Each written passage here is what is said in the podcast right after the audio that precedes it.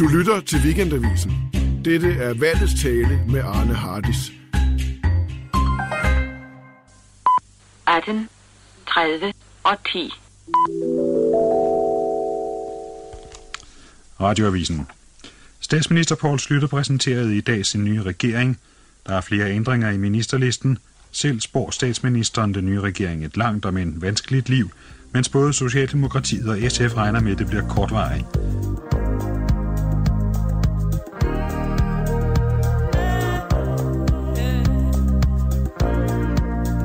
I 1987 ville Poul Slytter en gang for alle overtage Socialdemokratiets rolle som det store folkelige regeringsparti. 1987-valget blev i stedet begyndelsen til nedtællingen for hans regeringer. Ikke sandt, Niels Vium Olsen? Jo, det er rigtigt. Det var øh, forliset af hans store vision om at gøre det konservative Folkeparti til det store parti i midten af dansk politik. Velkommen til valgets tale i dette afsnit om det oversete 1987-valg, som fik dramatiske følger for dansk politik i årtier. Valgets tale behandler de vigtigste valg siden befrielsen. Mit navn er Arne Hardis.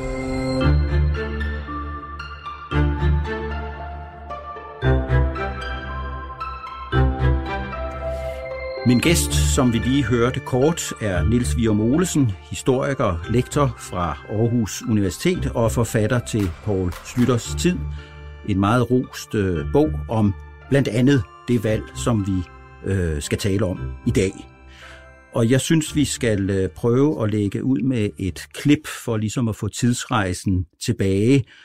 Og jeg vil på forhånd spørge dig, Nils Vium Olsen, kan du huske den her episode eller det her klip. Og når vi har en undervisningsminister, der er Bertel Hårder, der skærer ned på vores ungdomsmuligheder for at få sig en uddannelse, så har vi altså heller ikke råd til at give udlændinge. Derfor kan vi ikke modtage nogen udlændinge, da vi ikke kan give dem det, vi gerne vil give dem.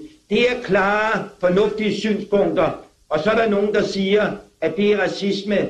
Men det er det ikke. Det er en beskyttelse af det folk, der har skabt det land, der er vores uh, hvor det lugter af 1987, det her øh, citat. Jeg, jeg kan ikke huske øh, lige det her øh, klip, men det var jo noget nyt, der skete i hvem, dansk hvem, politik. Hvem er, det, hvem er det, der taler her? Ja, det er jo Preben Møller øh, Hansen, sømandsbossen, der nu stiller op som partileder for partiet øh, Fælleskurs. Et, et, han er jo tidligere kommunist. Det er et klart venstreorienteret øh, parti. Og det, der jo var meget nyt i den måde, som han talte til øh, vælgerne på, øh, det var udover hans øh, meget specielle form, der øh, rummede en del sådan øh, københavnsk arbejderklasse øh, i sig. Men det var helt nyt det her med, at man faktisk fik kritik af øh, flygtningepolitik, indvandrerpolitik, og den kom fra venstrefløjen. Jeg kan godt huske det her klip, og, og bortset fra den fantastiske kommunistiske diktion, øh, så var det netop det af en venstreorienteret mand, som uanset kommunisme repræsenterede det gode, kom til at tale om, om det onde. Øh, der var jo andre end Preben Sømand, som uh, tog denne her sag op. Øh, der var Vestegns borgmestre, der var forskellige socialdemokrater, der var Fremskridtspartiet. Folketingsvalget i 1987 blev udskrevet den 18. august. Jeg har derfor indstillet til hendes majestæt dronningen, at der udskrives nyvalg til Folketinget til afholdelse tirsdag den 8. september 1987. Valget endte med en tilbagegang i den borgerlige lejr. De konservative gik tilbage. Fremskridtspartiet gik frem. Poul Slytter fortsatte som statsminister for den såkaldte firkløverregering, som udover de konservative bestod af Venstre, Kristelig Folkeparti og Centrumdemokraterne. Når man læser din bog, så får man indtryk af, at du ser faktisk 87-valget som et, i hvert fald i sin spire, et udlændingevalg, som, hvor politikerne ikke rigtig hører valgets tale. Prøv lige med dine egne ord at fremlægge analysen af det. Ja, øh, altså der er jo, som ved alle mulige andre folketingsvalg, så er der jo flere dagsordner øh, på spil. Øh, og det, det, det er klart dominerende øh, aspekt i øh, valgkampen 1987, det var naturligvis, hvem skulle være statsminister. Og det var en kamp øh, mellem Anker Jørgensen, den tidligere statsminister, der stadigvæk øh, øh, gav den som oppositionsleder, og så den meget succesfulde øh, statsminister, Poul Slytter. Det var naturligvis centrum i øh, valgkampen. Men det, og det kan man også se i øh, de øh, vælgeranalyser, der er, er, er, er lavet af valget. Øh, det, der jo flyttede øh, den politiske øh, konfiguration, det var udlændingsspørgsmål, fordi øh, Fælleskurs, det nye øh, venstreorienterede arbejderparti, som jo altså også slog sig op på en øh, kritik af øh, flygtningepolitikken, de kom ind med fire mandater. Og Fremskridtspartiet, som man faktisk var sådan på vej at øh, lægge i graven, øh, de gik øh, frem fra 6 til 9 mandater. Så der flytter sig altså til synlandet syv mandater på den her øh, dagsorden. Og det flytter faktisk den politiske konfiguration på en måde, sådan at det meget stabile flertal, Poul Slytter havde haft i den økonomiske politik, med firkløverregeringen alene og det radikale venstre, det skulle nu ud at hente mandater andre steder. Og det var de mulige øh, løsninger på det, var enten Fremskridtspartiet eller Socialdemokratiet.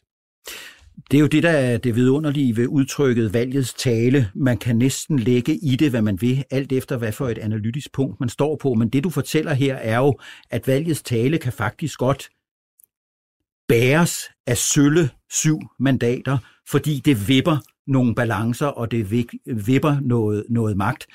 Det, der sker med Slytters og, øh, og Helves plan om at regere alene i citationstegn, det vil sige uden, øh, uden hjælp fra, fra, fra modstand fra Fremskridtspartiet, hvordan man nu vil sige det. Mm. Og øh, fra Socialdemokratiet. Og fra Socialdemokratiet. Ja. Opdagede Slytter med det samme, at nu havde han faktisk fået banesår. Øh, det gjorde han ikke, men altså valg var en stor skuffelse øh, for ham. Han har faktisk overvejelser om, at øh, forventning om, at øh, han fra de 42 mandater, han havde fået ved valget i 1984, faktisk måske kunne gå en 5-7 mandater frem. Det tydede meningsmålinger hen over sommeren 1987 øh, på. Hvis de 5-7 mandater så alle var taget fra Socialdemokratiet, det er jo selvfølgelig et tænkt eksempel, øh, men hvis de jo alle tag, var taget fra Socialdemokratiet, så ville det konservative Folkeparti være større end Socialdemokratiet. Men det gik ikke, som Slyder håbede. Øh, det konservative Folkeparti gik øh, fire mandater tilbage. Øh, det var en stor skuffelse, en stor personlig skuffelse for ham, fordi det var også et projekt, det her med øh, konservativ fremgang øh, nok en gang, øh, med henblik på netop at blive, øh, om ikke det største, så i hvert fald et parti på størrelse med øh, Socialdemokratiet. Det var hans store øh, forhåbning, men det, det mislykkedes. Så det er, altså, det, det var ikke kun, altså det, han havde jo været, gik for at være den her fætter højben-type, ja. ikke? Altså, som havde øh, medvind og øh, solskin øh, rent politisk. Men øh, han er opmærksom på, nu går det tilbage, om han er klar over, at det er et banesår, det, det, det, det tror jeg ikke. Altså, det, der håbede han jo på, at han kunne få en ny chance, og måske prøvede han faktisk Aha. også aktivt at skabe den nye chance med valg, der kommer i 1988. Men der har vi jo eftertidens kløgt. Vi kan jo ja. stå og spille kloge om, hvad der sker. Øh, øh, men det, det, der er mærkeligt, det er jo, at han repræsenterer en blok, ikke de radikale, men hans egen regeringsblok, som faktisk er skeptisk over for en meget slap udlændingepolitik. Det opdager de ikke er et problem i selve valgkampen, og efter valgkampen, så bliver de sådan lidt småsure, det var uretfærdigt af Socialdemokratiet at tage det op. Hvorfor er der ikke analytisk kraft til at sige, i det politikere plejer at være ret kyniske, når det handler om magt, hov, hvis vi skal bevare magten, så skal vi altså have skruet op for, for, øh, for udlændingesagen tydeligvis. Altså, det var der jo også øh, kræfter i øh, regeringskonstellationen, øh, firkløvert, som øh, man kaldte det, jo særligt repræsenteret ved øh, justitsminister øh, Erik Nien Hansen, som jo faktisk i 1983 identificerer nogle af de problemer, der måske er, øh, er øh, på vej. Det udvikler sig jo så i øvrigt i den her regeringsperiode, ikke? altså fra valg 84, øh, hvor der kommer flygtninge fra øh, krigen øh, mellem Iran og, øh, og, og Irak. I 1986 kommer der næsten 10.000 øh, asylansøgere øh, til Danmark. Det er nogle meget, meget høje øh, tal, som man overhovedet ikke havde, havde øh, øh, set øh, tidligere i den øh, størrelsesorden. Det var typisk under 1000. Så det, altså, der, der, der, der sker noget i, øh, i den her periode, og man er opmærksom på, at der kan være øh, politiske problemer øh, forbundet med det her. Men man, men man er opmærksom på det på en meget skæbnesvanger måde. Øh, fordi det, vi begynder at tale om nu, det er jo faktisk Tamil-sagens øh, start, som du også gør en del ud af i, ja. øh, i din bog. Og som viser, at den her september måned er uhørt dramatisk, fordi mm. der sker også store ting i Socialdemokratiet, det vender mm. vi tilbage mm. til om mm. lidt. Mm. Men lige efter valget, så sidder de ledende ministre fra eller nogle ledende ministre fra flere partier og diskuterer, det er egentlig noget bøvl med de der familiesammenføringer, og det burde egentlig være bedre, og kunne man stramme, og så videre, og så videre. Ja. Det bliver en del af Nins øh, forsvar senere, at han mener, at han får politisk mandat der. Men som du fremlægger det, så har han jo ikke noget mandat. Hvad, det, det er jo en kæmpe gåde. Hvad i alverden er det, Nin starter på her, da han så ligesom privatiserer det her, uden at have parlamentarisk rygdækning. Har han fejlanalyseret? Altså, øh, han tabte jo øh, slaget om lovgivning, øh, udlændingelovgivning i 1983. Øh, Der stillede han jo et forslag om en, en, en, en det var jo den første øh, udlændingelov, øh, som først og fremmest handlede om at, at få, få øh, normaliseret om, området og sat det i sådan øh, øh rette lovmæssige rammer. Øh, men der lå også nogle, nogle stramninger i, i, øh, i, i det forslag, han lagde frem. Men det blev fuldstændig fejt af bord af det såkaldte alternativ øh, flertal med øh, det radikale venstre i, øh, i spidsen. I stedet fik man en udlændingelov, som blev kaldt øh, Europas øh, mest øh, liberale udlændingelov. Altså der var øh, meget, meget øh, stærke retskrav til øh, as, as, as, asylansøgere. Øh, og det var altså meget mod øh, Nien Hansens vilje, men han måtte bøje sig for den øh, parlamentariske logik, der lå i, at øh, Slytter-regeringen var afhængig af det radikale men, venstre. Men, men man havde jo fået gennemført nogle mindre eller større stramninger, både 85 og 86, så det vil det sige, at der var en parlamentarisk sti, man havde kunne gå ja. af. Og i det her viser det sig siden dramatiske møde mellem ministerne, hvor vi i slutningen af september, så siger NIN noget i retning af, noget kan ordnes administrativt, men ja. det bliver ikke særlig ja. øh, behageligt. Ja. Ja. Har han en plan for, hvordan han vil ordne det her nu, nemlig at han administrativt vil lave det, som han ikke har politisk rygdækning til? Øh, altså, det er helt klart, at det er et, et udtryk for at føre politik, som er øh, imod lovens ånd. I hvert fald, i det mindste. Øh, men han antyder jo også med, altså, at det er, øh, når han siger, at det ville ikke være særlig behageligt, øh, så antyder han jo også, altså, at det er øh, øh, måske endda også mere end mod lovens ånd, måske også tæt på at være imod lovens bogstav. Men kan han lave så banal en politisk fejl, at han analyserer 87-valget og hører de her forskellige, nu er det ikke så vigtigt med sømandsbossen, men de her forskellige venstreorienterede skråstreg socialdemokratiske signaler, at han tænker, jeg har næsten hele Folketinget bag mig, så hvad pokker skulle der kunne se ske? Tror du, det er sådan, det kan have gået for sig? Det, det er en, en, en ganske øh, sandsynlig analyse. Øh, altså, at, at han føler, at, at der er øh, størstedelen af Folketinget øh, vil være øh, interesseret i øh, det, jeg foretager mig her.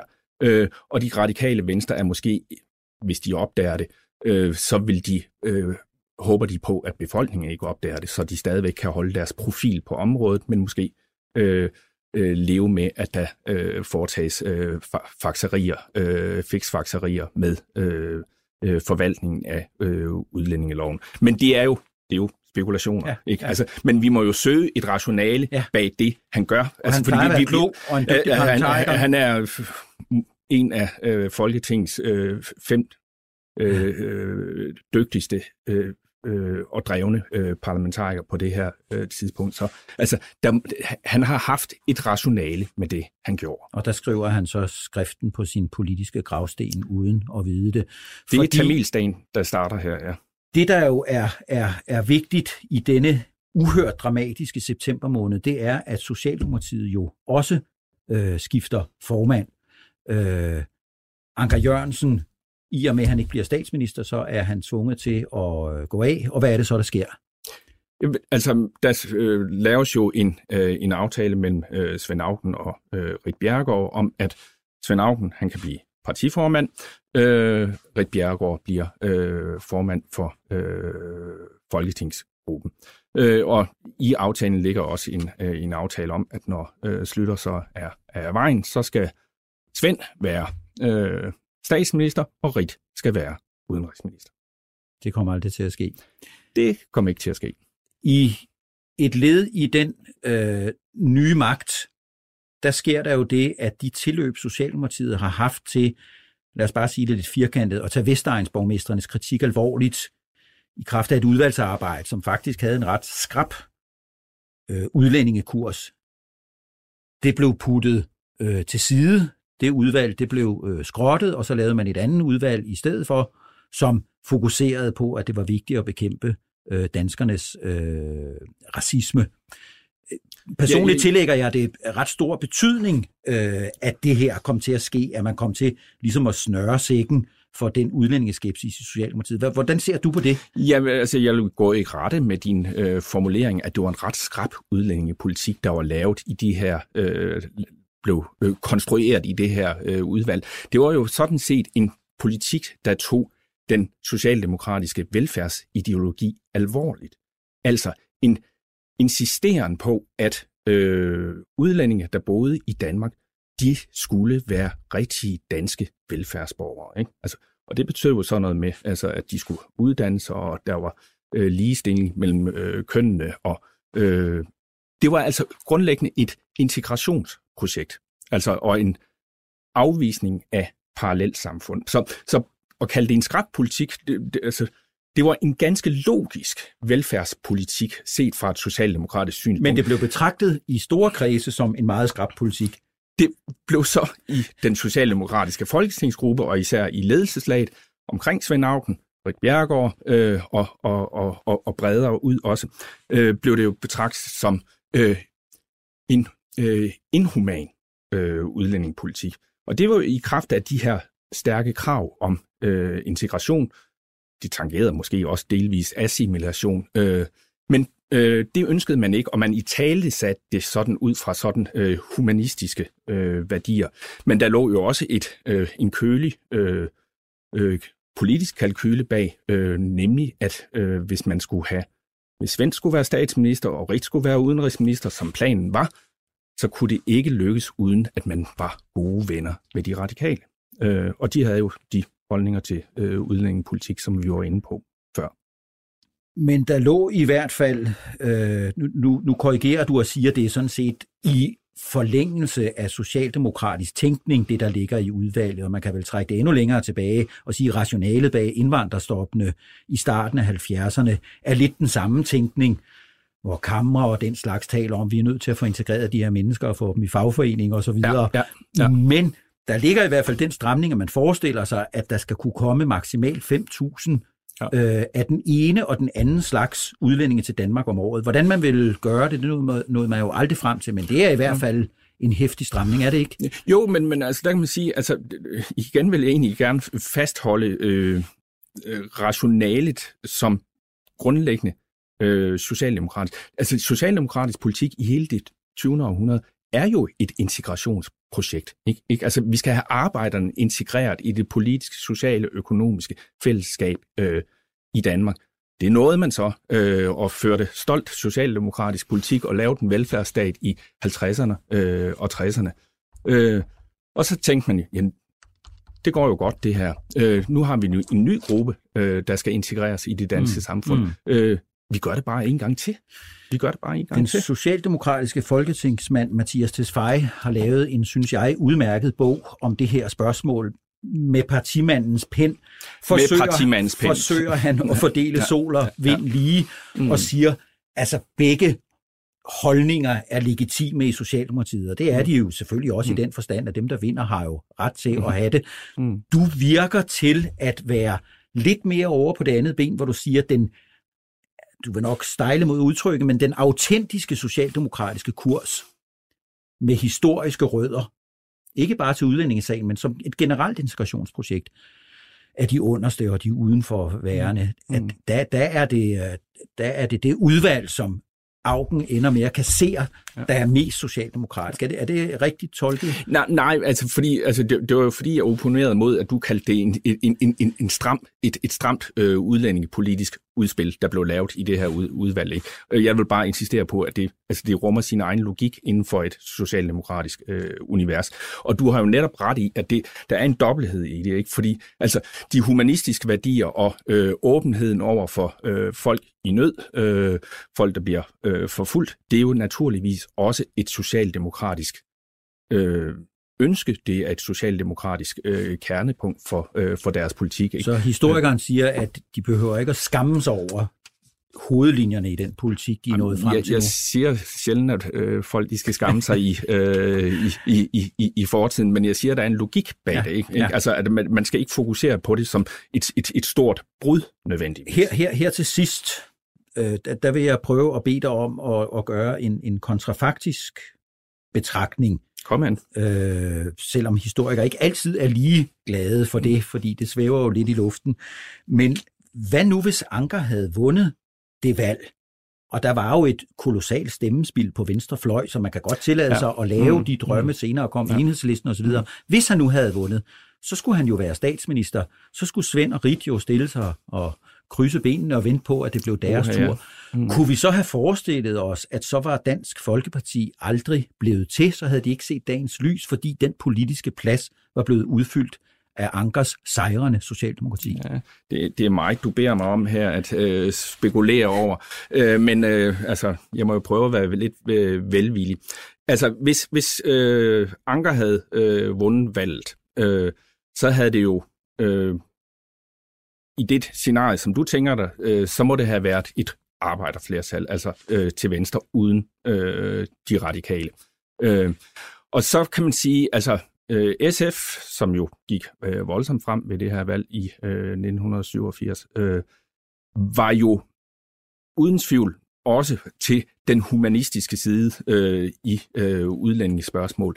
Men de kunne jo også godt forstå argumenter, som øh, dem vi lige var inde på før. Ikke? Altså at se integrationsspørgsmål som en, en, en, en udvidelse af velfærdspolitikken. Øh, det er muligt, og man kan spekulere øh, herfra og til øh, dommedag, øh, at, at, at det kunne have ført til en, øh, en, en større grad af konsensus om øh, udlændingepolitikken øh, i Danmark. Og du t- spekulerer så, om Dansk Folkeparti ikke var blevet til noget.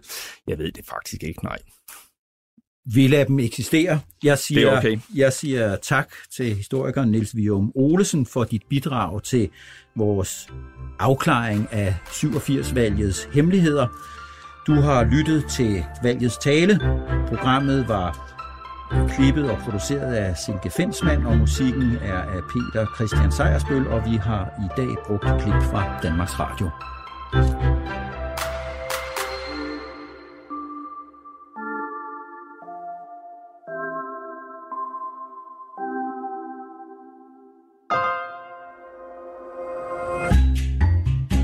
lytter til Weekendavisen. Hør alle udsendelser på weekendavisen.dk-podcast.